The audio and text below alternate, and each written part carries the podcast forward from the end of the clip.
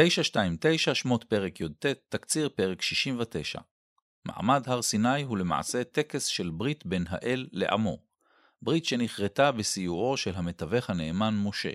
פסוקים ג' עד ח' הצעה והסכמה. תמצית ההצעה של אלוהים, שמיעה בקול אדוני תמורת מעמד מיוחד.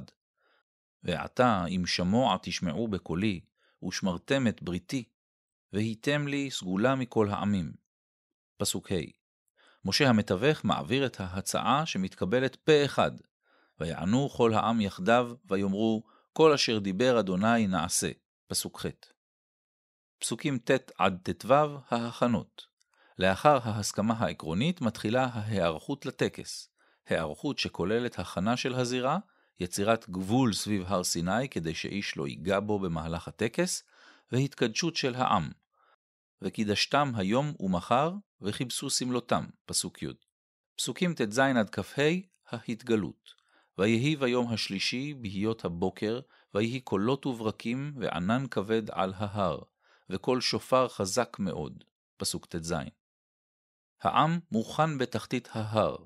משה עולה אל האלוהים לראש ההר. הכל מוכן לקבלת דברי הברית. מתי? בפרק הבא. למה כדאי לשים לב בפרק? אחת, סגולה. מה זה בעצם? מה כולל המעמד המיוחד שמוענק לישראל מתוקף הברית? התשובה בפסוק ממלכת כהנים וגוי קדוש, פסוק ו'. אם גם לכם זה נשמע כמו הגדרת תפקיד ולא רק כסטטוס, עליתם על זה. למה כדאי לשים לב בפרק 2? גבול. והגבלת את העם, פסוק י"ב. בהתגלות שהיא שיא של קרבה אל האל, הגבול מסתבר כחשוב ביותר. למה כדאי לשים לב בפרק 3? אמונה. עוד תפקיד למעמד ההתגלות, לבסס את האמונה במשה כמביא דברו של אלוהים אל העם, וגם בך יאמינו לעולם, פסוק ט'. למה כדאי לשים לב בפרק 4? התגלות אור קולית. שימו לב לתיאורים המפורטים בפסוקים ט"ז עד י"ט. למה כדאי לשים לב בפרק 5? מתווך ללא הפסקה. כמה פעמים עלה משה אל ההר וירד ממנו? תשובות בפסוקים ג', ז', י"ד, כ' וכ"ה.